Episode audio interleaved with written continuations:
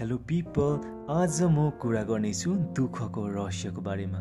एकपल्ट स्वामी विवेकानन्दको आश्रममा एक व्यक्ति निकै दुखी देखिन्थे।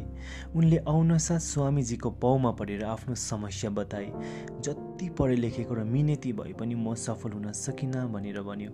स्वामी विवेकानन्दले एकैछिन मेरो कुकुर डुलाएर आऊ भनेर त्यो व्यक्तिलाई अडायो। छक्क पर्दै ती व्यक्तिले घरेलु कुकुर लिएर बाहिर निस्किए अनि केही समयपछि आउँदाखेरि ऊ त्यति खास थकित देखिँदैन थियो तर कुकुर भने निकै थकित देखिन्थ्यो। विवेकानन्दले किन त्यस्तो भएको भनेर ती व्यक्तिसँग सोद्धाखेरि उनले भने स्वामीजी बाहिर डुलाउन लग्दाखेरि म सिधा बाटोमा हिँडिरहेँ तर यो कुकुर भने कहिले यो कुना त कहिले त्यो कुना गर्दै बाटोमा भेटिएका कुकुरहरूको पछि पछि दौडिरह्यो।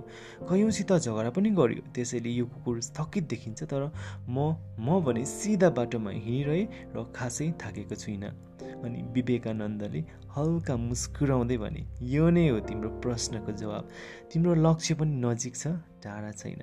तर तिमी सिधा लक्ष्यको अघि बढ्नको साटो अन्य मान्छेको पछि पछि दौडिरहन्छौ जसले गर्दा तिमी आफ्नो लक्ष्यमा पुग्न सकिरहेका छैनौ। म असफल छु। अभागी छु भगवान्ले ठगेका छन् भनेर तिमीले आफैलाई अन्याय मात्र गरिरहेका छौ।